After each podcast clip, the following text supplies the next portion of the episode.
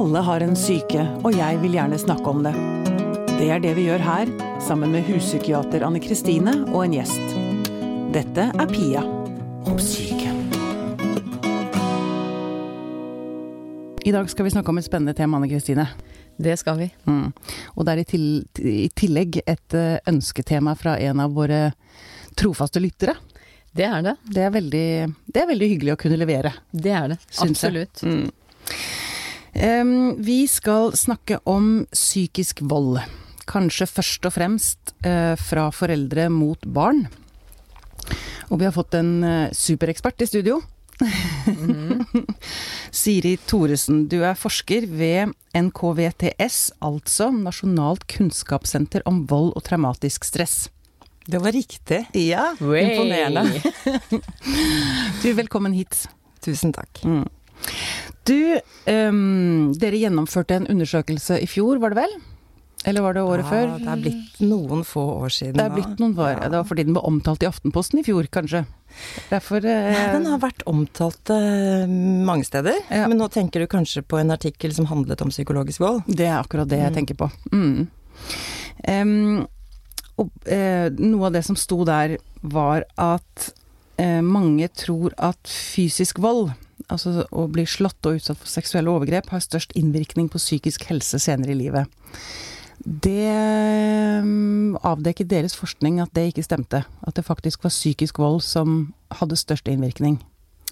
Ja, vi eh, ja, Psykologisk vold eller psykisk vold eller emosjonell vold. Dette barnet har jo mange navn, da.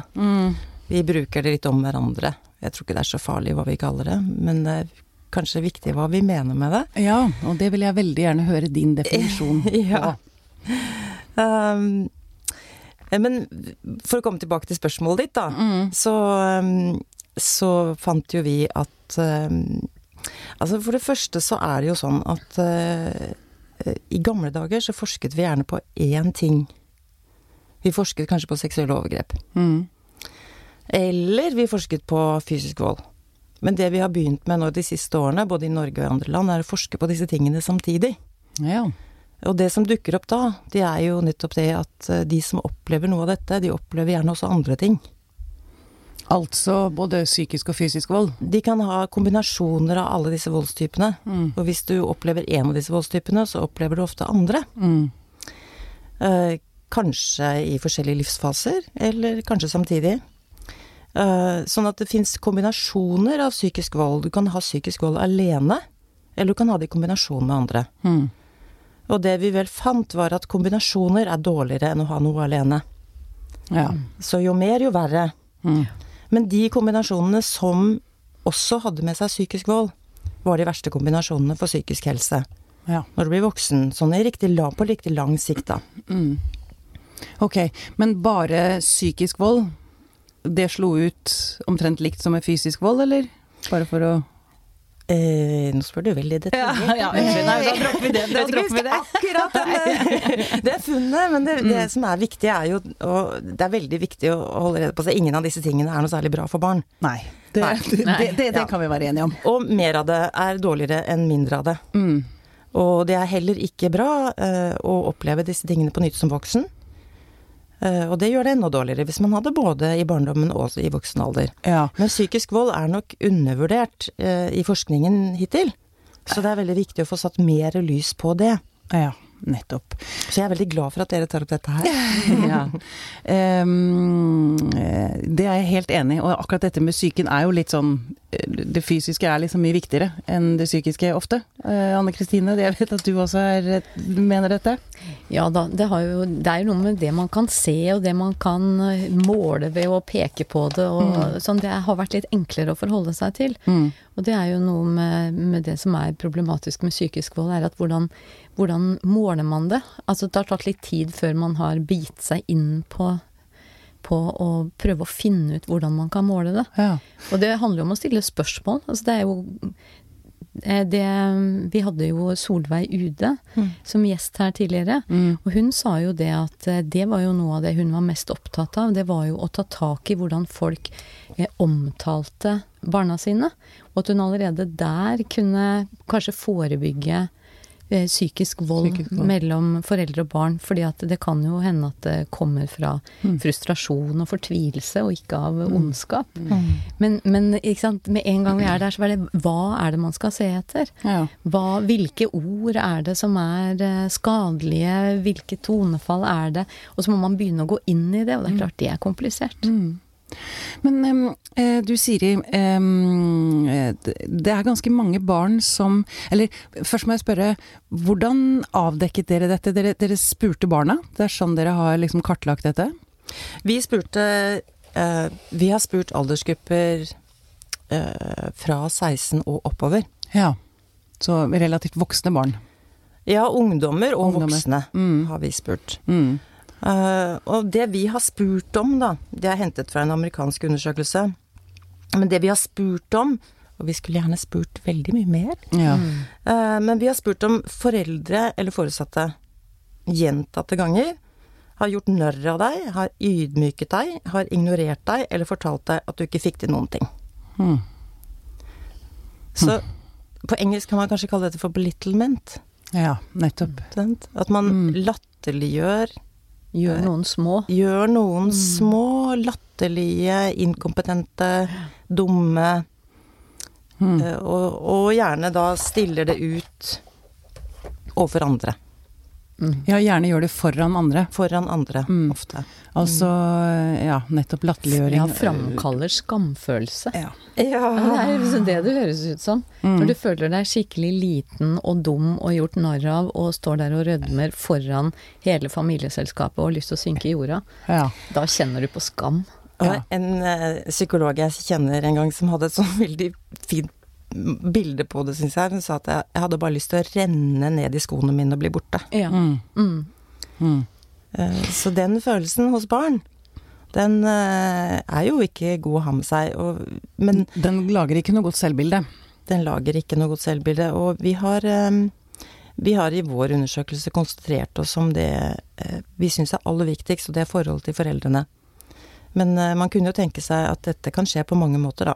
Det Mm. kan jo skje fra lærere eller andre, men foreldre er jo det stedet hvor du ikke kan komme unna. Nei, det er akkurat det, for det er, der er du så stuck. Eh, og jeg har også lært at altså, er det én ting man beskytter opp gjennom årene som man vokser til, så er det jo relasjon til foreldrene fordi du er så avhengig av dem. Mm. Og det, det, det, det gir jo et, et maktforhold der som er veldig spesielt. Mm. Um, men det, det spørsmålet, mener du at det er det det som favner psykisk vold? Det du, det du sa i det spørsmålet dere stilte? Det med vold er jo Vi får jo stadig vekk eh, eh, rapporter på radio og TV om foreldre som er anklaget for forskjellige voldsformer mot barna sine. Mm. Eh, og det går jo ikke an i en sånn undersøkelse å spørre om alle mulige voldsformer. Um, det er ganske stor oppfinnsomhet når det gjelder uh, forskjellige ting folk kan finne på å gjøre mot barn. Uh, men eh, sånn at dette er jo et begrenset spørsmål. Eh, Det kan være mange andre ting vi kunne ha spurt om. Vi kunne også spurt i forhold til andre mennesker, andre utøvere. Eh, Men eh, vi tror at dette rører ved noe av kjernen, da, den opplevelsen. Mm. Mm. Og hvor mange barn var det som oppga at de hadde vært utsatt for dette? Så i vår studie så var vi jo overrasket, for vi syntes det var ganske mange. I vår studie var det 13% som sa det. Det er mye, altså. Ja, det er ganske mye. Ja. Um, ok, og uh, det dere også da Altså, em, å bli utsatt for psykisk vold som liten legger uh, grunnlaget for depresjon og angst, og kanskje andre mentale sykdommer i voksen alder. Mm. Kan vi bare snakke litt om uh, korrelasjonen der? Altså, hva, hva er det som skjer? Hvorfor utvikler man Jeg kan jo tenke meg det, men jeg har lyst til å høre dere fagfolk si det. Det er nok mange veier fra Det er jo ikke sånn at hvis man blir utsatt for vold, så blir man automatisk syk. Altså de fleste har, lever jo likevel et godt liv. Så det er jo ikke sånn at man er dømt til elendighet. Uh, men det øker risikoen, Men sjansen er større. Det øker sjansen Mm. for å få det vanskelig i livet. Mm. På veldig mange forskjellige måter. Mm. Og det hadde jo vært veldig greit hvis virkeligheten var sånn da, at du er utsatt for en type vold, og så får du en type lidelse. Mm. Så det var veldig lett å se. Ja. Og da skjønner vi at det er jo det som har skjedd. Men det er jo ikke sånn. Nei. For det er jo sånn at vi ser jo nå at det er eh, veldig eh, mange forskjellige typer både fysiske og somatiske og, og, og psykiske problemer man kan få etter voldseksponering i barndom. Ja. Eh, og det kan gå gjennom mange veier. Du nevnte jo skam i stad. Og det tenker vi er en veldig viktig vei fra vold til psykiske helseproblemer. Eh, men en annen ting er jo også det en budskap at budskapet som er indirekte gjennom alvorlig vold, er at du er ikke verdt å ta vare på. Mm. Eh, det kan jo gi seg utslag i at man ikke føler at man er verdt å ta vare på, og derfor utvikler livsstiler som er helseskadelige. At man ikke tar vare på seg selv? At man, man, ikke tar vare på seg mm. selv. Uh, og vi vet jo at de som er voldsutsatte, de røyker mer, de drikker mer, de er i mye mer risiko, de blir utsatt for vold i voksen alder, og de Ja, det er interessant, syns jeg. Det, har jeg et eget spørsmål på, så jeg kan ta det nå. Er det sånn at når man har vært utsatt for det som liten, at man tiltrekker seg mennesker som utsetter deg for det samme igjen som voksen? Har man funnet noe så nå våknet forskeren i meg, da. ja. For nå sa du det med at du tiltrekker deg. Men det vi vet, det er at eh, hvis du er utsatt for alvorlig vold som barn, mm. Eh, så har du større risiko for også å bli utsatt for alvorlig vold som voksen. Ja. Og det igjen øker eh, helseproblemene, sjansen for helseproblemer ytterligere. Men hvorfor det er sånn, om det er sånn at du tiltrekker deg, det er vi ikke så sikre på. Nei, for jeg vet jeg har hørt en gang at hvis du vokser opp med en far som slår, så er det stor sjanse for at du også finner en mann som slår. Ja, men det som er litt nytt nå, da altså vi du vet den undersøkelsen vi snakket om som nå er noen år gammel. Mm. Vi har jo eh, kontaktet disse flere ganger. De dere spurte? De vi snakket om, for å se hvordan det går med dem videre. Og ja. for å se om vi kan forstå noe mer av det. Mm. Hvorfor er det sånn? Eh, og som du sa nå, så har vi nå trodd fram til nå at det er sånn at hvis du er utsatt for fysisk vold, så har du mer sjanse som voksen for å bli utsatt for fysisk vold av andre. Mm. Men dette går på kryss og tvers. Oh, ja. Hvis du har vært utsatt for psykologisk vold som barn, så har du større utsatthet for fysisk vold som voksen, eller seksuell vold, eller partnervold, eller Så det går på kryss og tvers av hverandre. Hmm. Så det er noe generelt med den voldserfaringen du har. Men det er en direkte si, Ikke nødvendigvis, men dere ser eh, koblinger mellom å ha vært utsatt for det som liten, og ja, det gjør at, vi helt... at mønsteret gjentar seg, liksom. Ja, det gjør vi helt klart. Og det, det syns jeg er veldig interessant, og det må jo ja. være en utrolig viktig ting å finne ut mer om. Eh, ja, så det er det vi holder på med nå. Ja, ja. Bra! så det der syns jeg var et veldig godt spørsmål. ja. hva, hva, gjør dere da, da? Eller hva, hvordan forsker dere på det? Ja, nå har vi eh, kontaktet eh, først og fremst de som var utsatt for vold, men også de som ikke var der, for å ha en eh, sammenligningsgruppe. Og så vi kontaktet dem igjen etter ett og et halvt år, mm. og så på nytt etter ett og et halvt nye år. Og da forsøker vi å se på hva de har opplevd av vold i mellomtiden. Og da har vi jo, kan vi jo se på hva hva som eh, ved første gangs måling, da, hva som fører til Hva som ser ut til å føre til at de blir utsatt de, Hvem av dem uh, blir utsatt for vold i framtiden, og hvem av dem blir ikke det? Og det vil jo hjelpe både oss vanlige mennesker og klinikere til å bedre hjelpe de som virkelig har høy risiko. Ja, ja nettopp. Det, for det som, eh, som vi, vi, kan Jeg har jo lov å spekulere. Ja. Du er forsker, du må bare holde deg til eh, fakta. Mens ja, men jeg kan spekulere spek spekulasjoner er også gøy. Eh, nei, for det som er med, med vold i si, så nære relasjoner som foreldre-barn-relasjoner, det er jo én ting er at man blir påført skade Altså at det er belastende å være utsatt for det. Men så er det jo noe med det at når det skjer fra de som du skal egentlig kunne stole på, og som du kanskje er mest glad i i hele verden, så blir det en sånn tilleggsskade. En tilleggsbelastning. For det er, sant, det er, vondt å bli slått, og det er vondt å bli trua, men det er ekstra vondt å bli slått og trua av en som du skulle elsker. En som du elsker, og som egentlig skulle gi deg trygghet og stabilitet og trøst. Og når du da blir utsatt av disse tingene fra den som skulle gi deg trøst, hvem skal trøste deg da? Mm. Og så blir barnet overlatt til seg selv med de vanskelige, vonde, smertefulle følelsene, uten noen som er der til å trøste, før de har utvikla et apparat for å kunne håndtere vonde følelser. Det blir litt sånn derre trippelbelastninger. Ja, men eh, Betyr det da at eh, man kanskje har for større problemer med å søke hjelp og trøst senere i livet fordi man har ikke tillit lenger? Man, man vet jo ikke helt hvordan man søker trøst, da. Nei.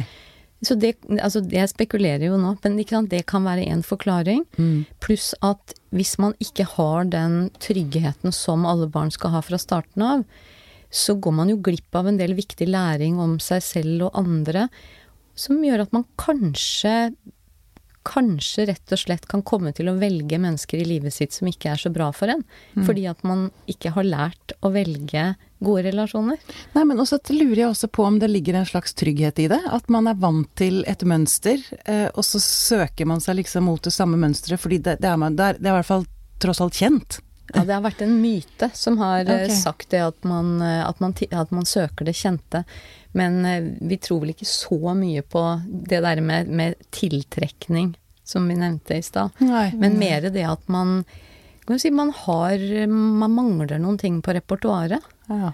For hvis man har det trygt og godt, så vet man noe om trygge, stabile relasjoner, og man vet litt hva man skal se etter hos andre mennesker, Mm. som man da kanskje ikke har fått i like stor grad hvis man har hatt en utrygg Og ikke sant, det er jo utryggheten som, eh, som representerer også mye av skaden. Ja, men jeg tenker også på det du sa, Siri, dette med at man, hvis man vokser opp i et miljø hvor man opplever at man ikke har noe verdi, så, så vil man jo utvikle selvskading på en eller annen måte, om ikke sånn direkte selvskading som vi, som vi kaller det, liksom, at man kutter seg, men selvskading kan jo foregå på veldig mange måter. Det kan, ja. Eh, og at, ja, at det har noe med Ja, eh, altså at, at man da Ja. Nå øh, prøver jeg en gang til, men, men at man da liksom finner noen som bidrar til fortsatt selvskading, da. At man liksom søker etter et menneske, nå spekulerer jeg òg selvfølgelig, men at man søker et menneske som fortsetter å gi en den bekreftelsen på at man ikke er bra nok. Eh, altså, som sagt her, da, så er jeg forsker, og men det betyr ikke at jeg ikke kan spekulere. Jeg må bare være tydelig på når jeg spekulerer, og når jeg refererer til et funn. Men uh, jeg tror disse spekulasjonene er veldig mye for seg. Men jeg tror kanskje det med å søke til elendigheten, den, den har kanskje felt gått litt fra den Ja, teorien. mm, Men okay. det at det skjer veldig mye med forhold til andre mennesker, uh, som du var inne på, det, det tror jeg har veldig mye for seg. Og Ja. Det vi har blitt veldig opptatt av her, det var det som ble nevnt tidligere her, det var det med skam. Mm. Og vi har vært veldig opptatt av de Å si skam er en følelse. Eh, Men den har også noen korrelater når det gjelder handlinger. For hvis du skammer deg, så gjør du visse ting mer.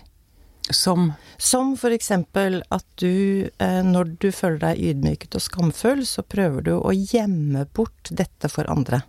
Ja. Du prøver å skjule det. Mm. Fordi hvis du tenker at Eller kanskje man ikke tenker, rekker å tenke det engang, men, men man kan ha en forestilling om at hvis dette kom andre for øre, at andre fikk oppmerksomheten på dette som har skjedd deg, eller dette dumme ved deg, Mm. eller dette uattraktive, Mm. så vil de andre også finne deg uattraktiv. Ja. Ikke sant? Så um, denne skjulingen, den er eh, nok veldig helseskadelig.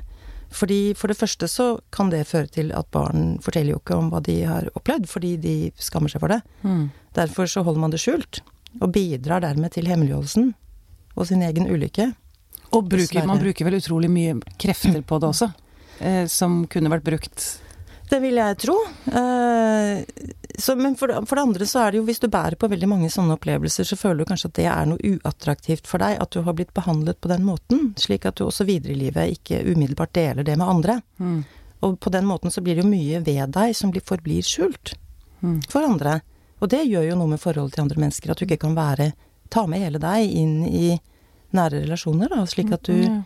eh, det, det blir mye du må holde skjult. Altså, da vi spurte Vi spurte ikke dette spørsmålet om psykologisk vold, men vi spurte om, om alvorlig fysisk vold og seksuelle overgrep, så var det altså omtrent en tredjedel av de som fortalte om dette til oss, som sa at de aldri noensinne hadde snakket om det tidligere. Ja. Til noen. Og da lå det jo for mange, mange år tilbake. Og dette er altså egentlig velkjent Mm. fra annen litteratur òg. Mm. Men øh, øh, det med skammens sosiale konsekvenser har kanskje ikke fått så mye fokus. Og så bare for å føye til det, det er flere måter å skjule skam på. Det ene er jo å skjule det ved å dekke det til, og det andre er jo å skjule det ved å overeksponere det. For det kan man jo også se at eh, en del som sliter mye med skam, de blir, holdt jeg på å si, framstår som skamløse. Mm. Fordi at hvis du overdriver det, og kommer folk i forkjøpet hele tida, Mm. så er det ingen som kan eh, komme og pirke deg. fordi at hvis du da si, går naken rundt, så er det jo ingen som kan si at så lite du har på deg. Yes, jeg er naken. Og da har du liksom kommet dem i, i forkjøpet. Forkjøpet. Men det er også en måte å skjule skammen på. Mm.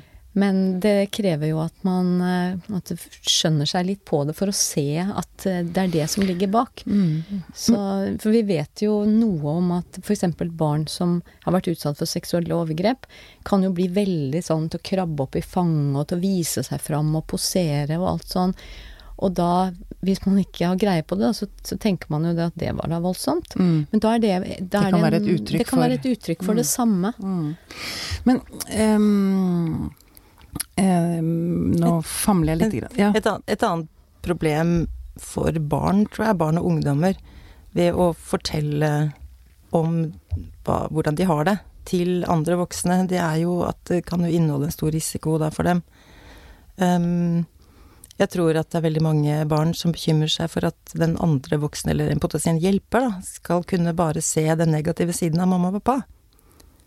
Sånn de, er bekymret de er bekym... de, passer på foreldrene sine, rett og slett? Ja, eller Mm. passer på seg selv også, fordi Mm. de vil jo ikke De fleste barn vil jo bare at foreldrene skal slutte med det der, og så være sånn som de er når de er gode foreldre, fordi foreldrene er jo som regel ikke bare slemme, da. Mm. De er jo Som regel også gode. Er- Og de kan jo være redde for at foreldrene kommer i fengsel. Ikke sant? kan de Hvis, de har, eh, Mm. hvis de har lært at dette er forbudt, eller, Mm. eller til og med blitt fortalt at hvis, hvis du sier noe om dette, Mm. så kommer pappa i fengsel. Ja. Da sier man ikke noe om Eller at de forstår at foreldre tåler ikke det. Ja. Altså Hvis foreldrene blir sett av andre på den måten, da kommer Mm. de til å gå til grunne. Ikke sant? Eh, ja. Ja, men så er det vel også sånn at en del, en del av denne psykologiske eller psykiske volden er vel såpass subtil at jeg tenker at barn kanskje ikke engang forstår at det er feil? Kan ikke det Altså at, at det er helt normalt, liksom? At det, det er mye vanskeligere å peke Det er mye lettere å peke på at en forelder slår et barn, mm, enn at disse tingene er utenfor grensen av hva som er ok å si til barn. Mm. Eh, eller måter å behandle barn på. Um, så Men uh, jeg har litt tro på sosial kontroll, da. Jeg Ja. tror vi, kanskje vi kunne blitt litt flinkere til det. Og da tenker du på å, at, at vi sier fra hvis vi ser noe? Ja, da tenker jeg på at andre rundt er bedre til å, å korrigere og si 'det der syns jeg ikke var noe morsomt', eller 'hvordan tror du liksom, det blir oppfattet', jeg syns ikke det var noe fint. Mm. Ta barnet, gjøre det foran barnet, eller?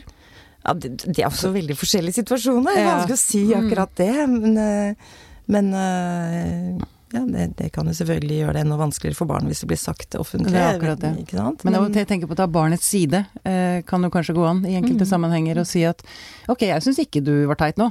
Eller altså, ja. Det blir Altså, litt forenklet, men ja, ja, du skjønner hva jeg mener. Ja, men altså at, um, at foreldrene får en, får en motstand fra omgivelsene, Mm. mm, og ikke oppnår kanskje det som var hensikten med den, det utsagnet, da. Ja, nettopp. Nemlig at det blir morsomt, eller at det blir At barnet framstår dumt, og de dermed større, eller ja. Mm. Men var det ikke en Det var en historie vet ikke, Jeg leste den sikkert på nettet for noen år siden.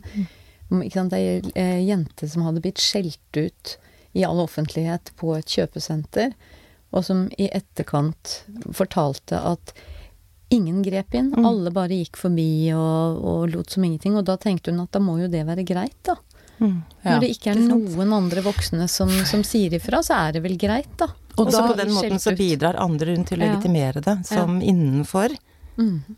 ikke Ja. sant? Ja, for barnet må jo lære seg ikke sant, hva er innafor og hva er utafor. Men fordi det er vel sånn at barnet, det er kanskje det som er problemet, er at barnet tar det på seg selv. At man tenker at hvis mamma er så spydig eller så nedverdigende, eller at, at det må være noe gærent med meg.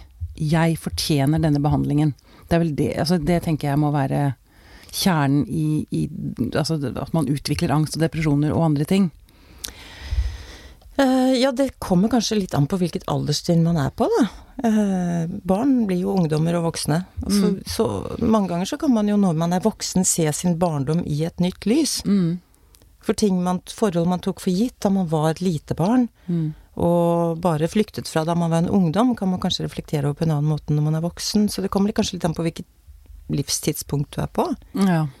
Så, men det kan jo hende at mange barn syns at mamma var veldig dum da hun sa det, men det Likevel så blir man jo behandlet på den måten, så Ja. Ja. Mm. Så er det vanskelig å slutte å være glad i foreldrene sine. Så det er lettere å slutte å være glad i seg sjøl. ja. Ja, det, det det. ja, i hvert fall så er psykologisk vold en veldig eh, dårlig måte for å styrke barns eh, evne til å være glad i seg selv, da. Ja. Mm. Men jeg har også lyst til å spørre deg eller dere litt grann om psykologisk vold mellom voksne. Eh, for det forekommer jo også. Eh, men da vet jeg du, har, du sa, Siri, til meg på telefonen at eh, det er jo verre å, håper å si, avdekke. Eh, fordi det kan, det kan Altså, hva er krangling, og hva er psykisk vold, liksom? Men det forekommer jo i voksne relasjoner også. Absolutt, det gjør det. Mm. Mm. Og så lurer jeg på, hvis man da er voksen, og om man har vært utsatt for det som liten eller ei, men hvis man er i en relasjon med, hvor man opplever at det er psykisk vold, eller kan dere si noe om hvor grensene går der mellom krangling og psykisk vold? Altså, er det noen sånne klare tegn man bør være obs på? Um, ja. Ja, det, Det- fins jo mange begreper på dette, da. Det er jo uh, Det fins jo det, det, det- altså, For mange så er jo psykologisk vold også en del av et voldsregime med fysisk vold. Og at noe av kraften i den psykologiske volden er trusselen, om ikke den utøves, men trusselen om fysisk vold. Slik at Ja. eh, Det i seg selv er psykisk vold, eller psykologisk vold? ja, altså, Dette er så subtilt at det er vanskelig å fange. Altså, men en person kan I ekstreme tilfeller så kan man jo ved et blikk eh, styre andre mennesker fordi det ligger en underliggende trussel om alvorlig fysisk vold bak. Mm. Eh, og så har man kontrollerende atferd, da. Ved at man hele tiden avkrever eh, detaljer om hvor du er, at du er mistroisk, sjalu. Eh, ikke stole på vennene dine, ikke sant. At du vil ha hele deg, og ingen andre skal dele. Altså, det fins jo veldig mange forskjellige avskygninger. Mm. Um, så Mens forholdet til barn er lettere å snakke om fordi at der er det åpenbart at det er den voksne som har ansvaret Mm. uh, for uh, hvordan den relasjonen blir. Mens i, det fins jo også mange parforhold hvor det er gjensidig krangling og gjensidig negative omtaler. Mm. At man gjør narr av hverandre tosidig. Mm. Som kanskje den ene parten opplever som mer ensidig. Mm. Uh, Ja, det, det, blir, det- det blir sånn ord mot ord. Uh, Ja, men det, altså, det er jo også virkelig en alvorlig del av mange voksnes liv, altså. mm. Men det kan være vanskelig for en utenforstående å skille. Ja. Mm. For jeg vet det er eh, en som har skrevet at Eller hun opplever at Eller som har skrevet til meg, opplever at eh, dette er noe som det er vanskelig for for systemet å ta tak i, liksom. Altså, det, det er så vanskelig å nå frem med sånne anklager, da. Eller det er så vanskelig å, å, å få noen Jeg vet ikke, dømt er kanskje å trekke det veldig langt, men dere skjønner hvor jeg vil hen. Det er vanskelig å bevise, Mm. og det er jo noe med det at skal man anmelde noe, og noe skal etterforskes, og det skal opp i retten, så må det jo finnes en form for bevismateriale. Ja. Og det er jo mye, mye vanskeligere når det gjelder psykologisk vold. Det er ikke noe du kan ta bilde av, Nei, det er eller gå ikke på det. legevakta for å få undersøkt. Nei. Men det Ja, kan, hvordan kan man bevise det? Er det mulig? Ja, det er et godt spørsmål. Altså, eh, vi har jo altså, For å ta et veldig tydelig eksempel, da, så har vi jo disse fotoene. Hvis vi husker disse bildene fra Abu Ghraib. Ja. Det jo, altså, psykologisk vold er en åpenbar del av tortur. Mm. Uh, og der har man jo uh, det, det er jo nettopp brukt fordi det er vanskeligere å bevise. Og det setter ingen fysiske spor. Mm. Og der, I Abu Ghraib så tok de jo bilder av det, sånn at eh, med, med sekker over hodet Mm. og ja, alle mulige ydmykelser, da. Mm. Og der er jo ydmykelse er jo nettopp en Både ydmykelser og frykt er en Mm. del av det man, man prøver å oppnå med psykologisk vold. Og det er det vel også i parforhold. Ja. Eh, men å bevise dette Jeg vet ikke om ehm, Jeg vet ikke om jeg vet ikke helt hvordan man skulle gjøre det. Nei. For selv om man, man, man kan bevise Man kan ta lydopptak av at det har forekommet ydmykelser, så kan man jo på en måte ikke bevise at det ikke har skjedd andre veien. Nei, ikke sant. Så det er litt det er akkurat det. vanskeligere. det, er akkurat det. Ja. Men jeg lurer på om kanskje noe av det viktigste hvis man er i et sånn type forhold, det er fall altså, å finne en som tror deg. For det er vel også noe av det vanskelige her, at det er ingen som tror på, tror på det, liksom. Mm. Eh, nettopp fordi det er så vanskelig å bevise, og folk rundt kan kanskje tenke at da man bare sutrer og overdriver og Jeg, jeg vet ikke, nå famler jeg litt, men eh, Det som er forskjellen på barn som blir utsatt for det, og voksen som er utsatt for det, er at voksne har jo, i hvert fall i teorien, større mulighet til å komme seg vekk. Ja. Ja. For ikke sant, barn har ikke det. Barn Nei. kan ikke velge å flytte hjemmefra som femåringer og si at her vil jeg ikke bo mer. Men i et voksent forhold så, så skal jo det være mulig. Men kanskje er det jo det som blir vanskeliggjort gjennom den psykiske volden. Altså at hvis du forlater meg, så Og da Eller at man er så nedkjørt at man Ja. ikke har krefter til å men, men gå, da liksom. kan det jo Altså da kan det jo være ålreit å få eh, hjelp, altså støtte, altså terapi, veiledning, backup fra noen som gjør at man kan bli i stand til å gå ut fra det forholdet. Mm. Altså sånn at om det ikke kan bevises i retten eller noen blir dømt for det, så vil jo kanskje det viktigste vil jo være å komme seg bort fra noe som er så skadelig å Mm. leve i over tid. Mm.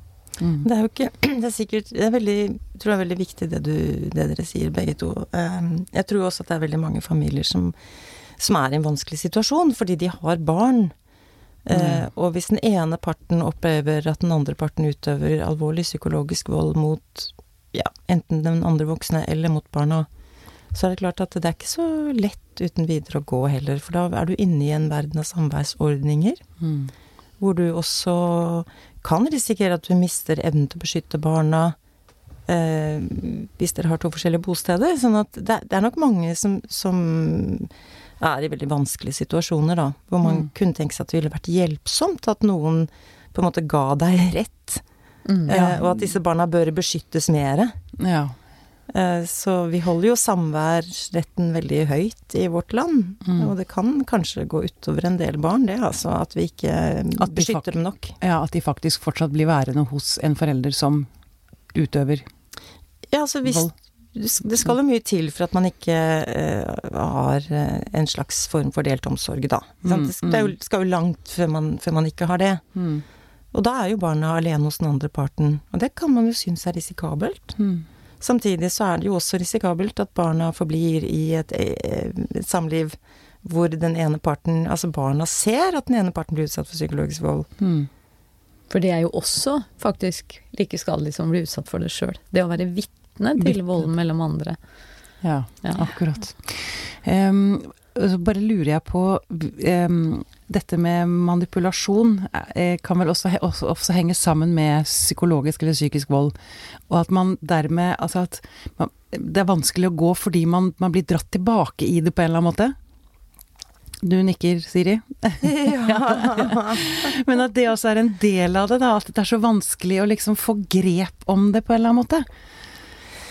Jeg tror det er eh, vanskelig for de som ikke er en For meg, jeg, jeg er ikke i en sånn situasjon. Jeg tror det er vanskelig for meg å begripe intensiteten i push and pull, altså i de Ja, faktorene som trekker deg inn, og de Mm. faktorene som trekker deg ut av et sånt forhold, er vanskelig. Ja. Det er eh, Og hvis du, hvis du har barn med en person som oppfører seg på den måten overfor mange, så har du barn med den personen, og da må man forholde seg til den personen i mange år. Mm. Uansett. Ja. Så det er uh, veldig vanskelig for mange, tror jeg. Ja, ja. Men for jeg, da har jeg, jeg har lyst til å komme med en sånn liten oppfordring både til fagfolk, men også til venner. At bruk litt ekstra tid på å lytte. Uh, ikke, fei, ikke avfei folk for tidlig hvis de kommer med sånne ting. Er dere enig i det? At eh, gi det, gi det litt plass, liksom. For det kan faktisk være det som virkelig betyr noe. At man har noen som tror på en. Ja, i hvert fall mm, prøve å få til en samtale hvor eh, den opplevelsen man har, kommer i fokus. Mm. Ja, nettopp. Nettopp. Opplevelsen. Jeg gir rom til opplevelsen. Altså det er mange sinte, skilte personer, men den opplevelsen du har av hva det gjør med deg, og hva eh, det, det er jo uansett sant. Ja. Ja, ikke sant. Viktig. Det tenker jeg er et viktig poeng. Mm. Mm. Um, så har jeg lyst til å spørre dere også om Hvis man har vokst opp da i et hjem og har vært utsatt for psykologisk vold, hvilke grep kan man ta som voksen? Hva, altså, terapi er selvfølgelig åpenbart, men eh, ja, kan vi snakke litt om det? Man, hvordan man bør forholde seg til det, liksom? Eh, Nå skulle jeg ønske dere kom med en sånn gullkantet oppskrift på Sånn fikser du den biffen! Altså, vi har jo snakket litt om skam, da. Mm. Eh, Jeg tenker at eh, vi kommer på jobben, og så har vi veldig lyst til å fortelle at vi var veldig flinke til å trene i går. Mm. Vi har ikke så lyst til å fortelle andre ting, om at vi egentlig lå på sofaen og bare spiste sjokolade fordi vi var så lei oss. Og gråt i foster, fosterstilling. Mm. Så eh, en, en sånn liten Jeg tror at en litt, et lite hint om hva som er viktig for deg, det er det du ikke har lyst til å fortelle. En gang til. Et lite Et hint om om hva som er viktig for deg, det du ikke har lyst til å fortelle de andre. Det er, et, det er noe du bør forske litt i for deg selv. Ja, det kan man godt ta litt fram og tenke på hvor viktig er det egentlig nå? For kanskje var det bare, du er bare vant til det, at du ikke skal fortelle det. Hmm. Men det kan hende at man kan, man kan bruke det som et lite hint om at eh, der ligger det kanskje noe som er vesentlig for meg. Ja. Nettopp.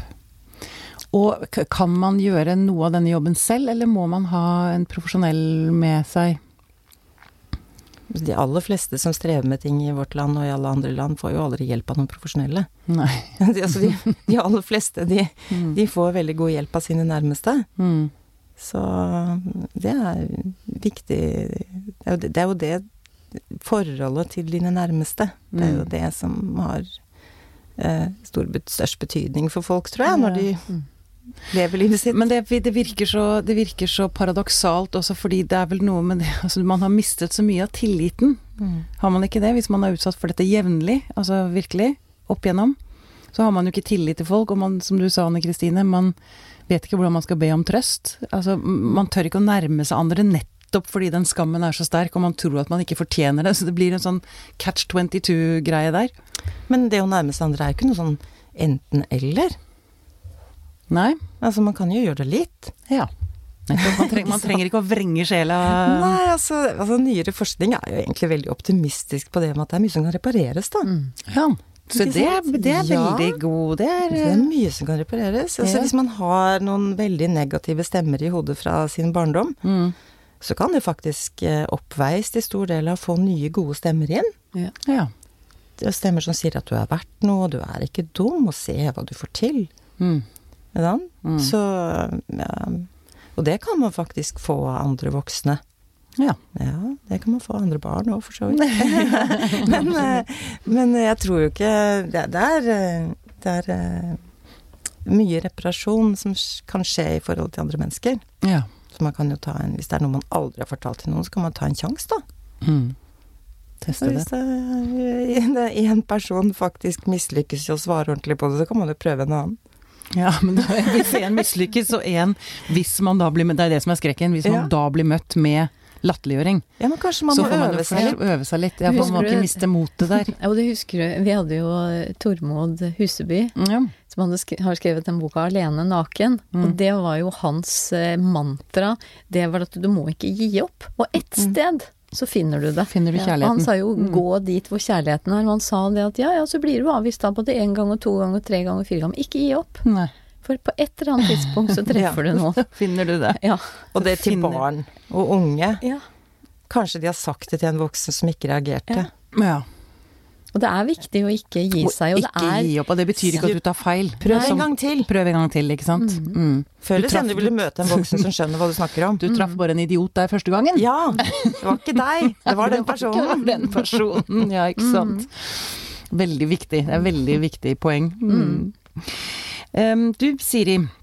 Eh, til slutt så har jeg lyst til å bare høre med deg om det er noe du tenker eh, er eh, Som vi ikke har snakket om, som er viktig å, å få frem i dette bildet vi har eh, drevet og malt rundt på her.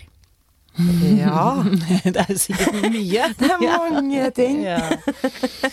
Det er veldig mange ting. ja. Eh, Men Er det noe du føler at du liksom har brent inne med som er jeg syns at det, det var en veldig fin avslutning, det å um, prøve seg. Ja. Og eh, dette her med å, å ikke snakke om det, er kanskje ikke så god idé bestandig. Hvis det er det man har gjort Mm. veldig lenge, så kan man prøve en annen strategi enn det, kanskje. Og så prøve seg å være forberedt på at det er ikke sikkert det går så bra første gangen. Mm. Så man må kanskje øve på det. Jeg syns egentlig det Mm. er bra. Bra. Mm. Mm. Og det er eh, Jeg tror kanskje dette med at vi må bli flinkere til å se eh, disse tingene når det skjer, og vise at dette ikke er ok. Ja.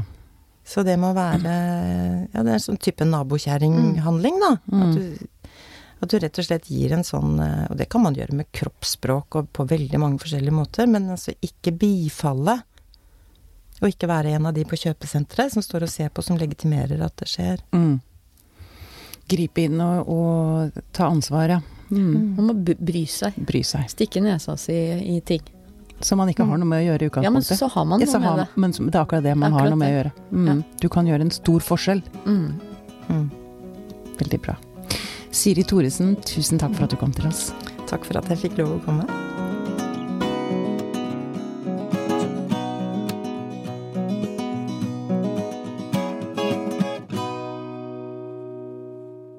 Denne podkasten er produsert av Tid og Lyst.